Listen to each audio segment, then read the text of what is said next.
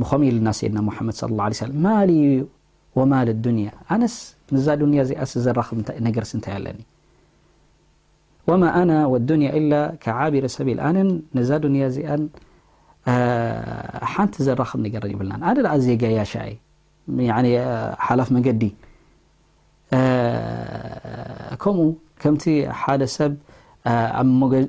መንጎ መገሽኡ እንከሎ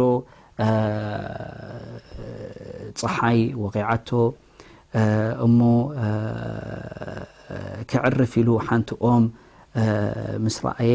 ኣብዛ ትሕቲ እዚኣ ኦም እዚኣ መሬት ክሳብ ቁርብትለይ ዝሕል ዝብለሉ ከይዱ ብኣ ኣዕሪፉ ቁርብትለይ ዳሕራይ ዝሕል ምስ በለት መሬት ገዲፍዋ ነዛ ኦም ድማ ጉዕዙኡ ይቕፅል ኢሉ ሰይድና ሙሓመድ ص عለه ሰለም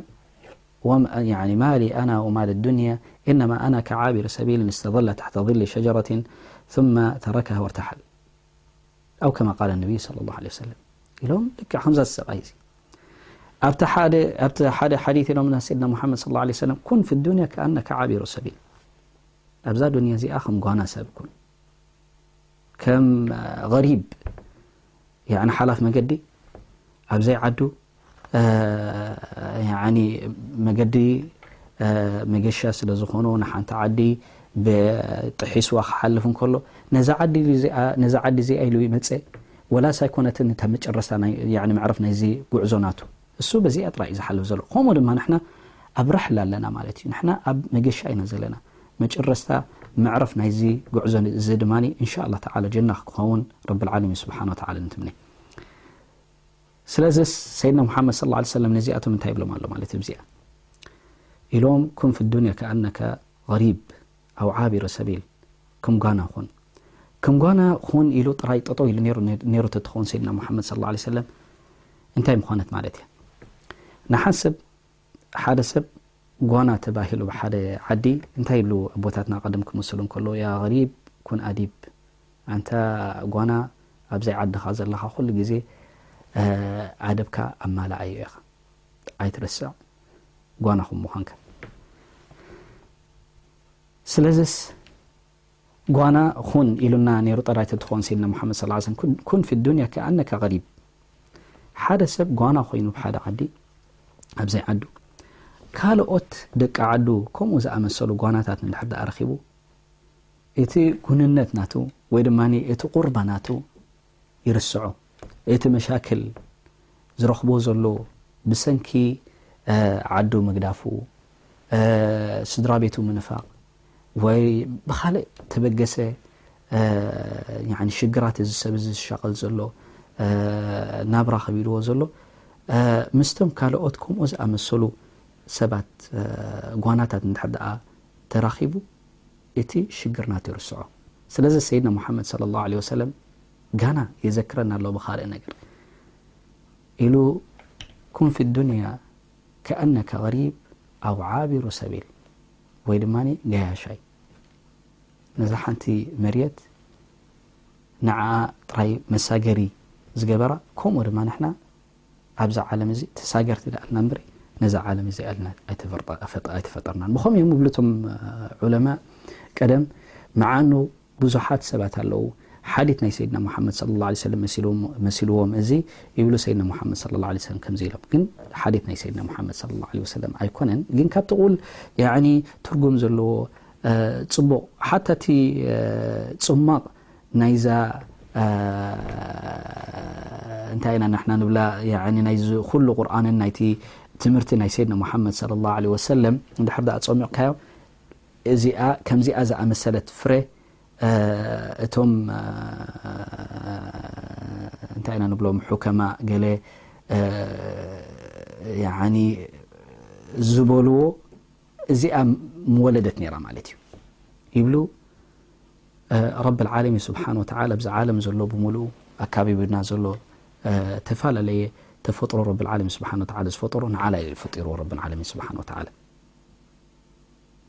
ግን ንዓና ረብልዓለሚን ስብሓን ወተዓላ ንዕኡ ጥራይ ኢሉ ፈጢርና ስለዚስ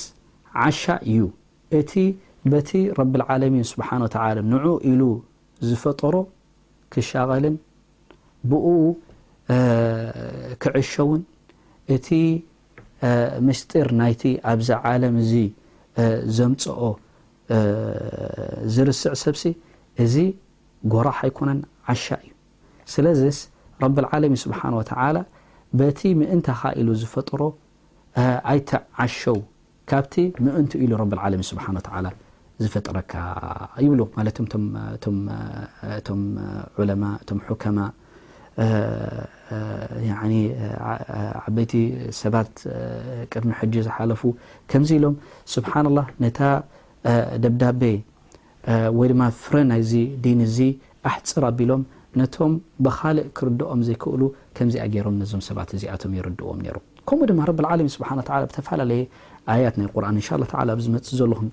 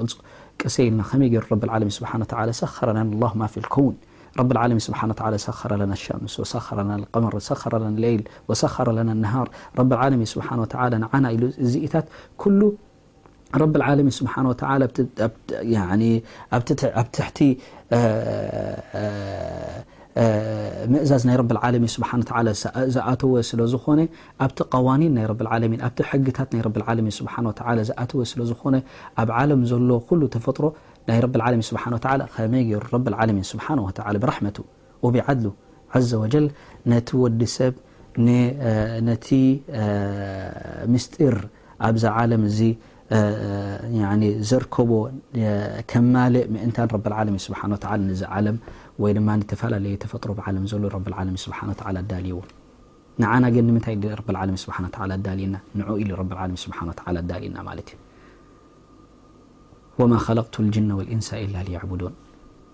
ረቢ ልዓለሚን ስብሓን ወተዓላ ኢልና ጅንን እቶም ደቂ ሰብ ወይ ድማ ደቂ ኣደም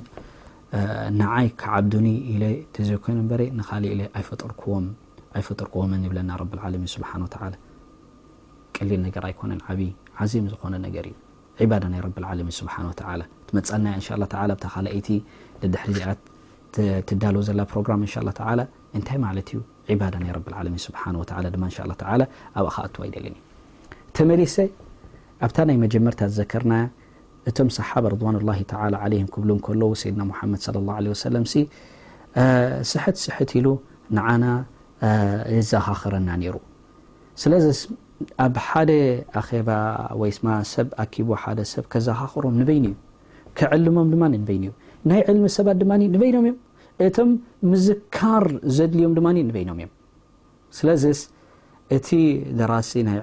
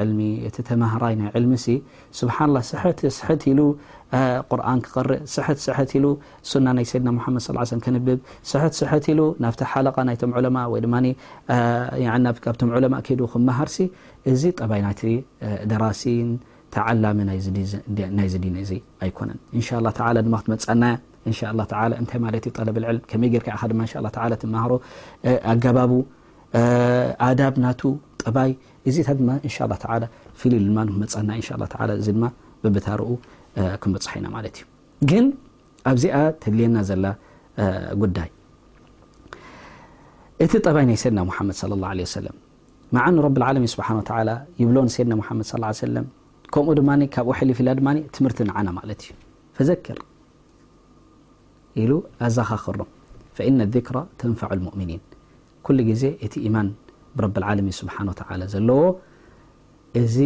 ዝኣመሰለ ዝክሪ ኩሉ ግዜ ድማ ክጠቕሞ እዩ። ጠቕሞ እዩ ማለትሲ ጽን ኢሎ ክሰምዖ ጥራይ ኣይኮነን።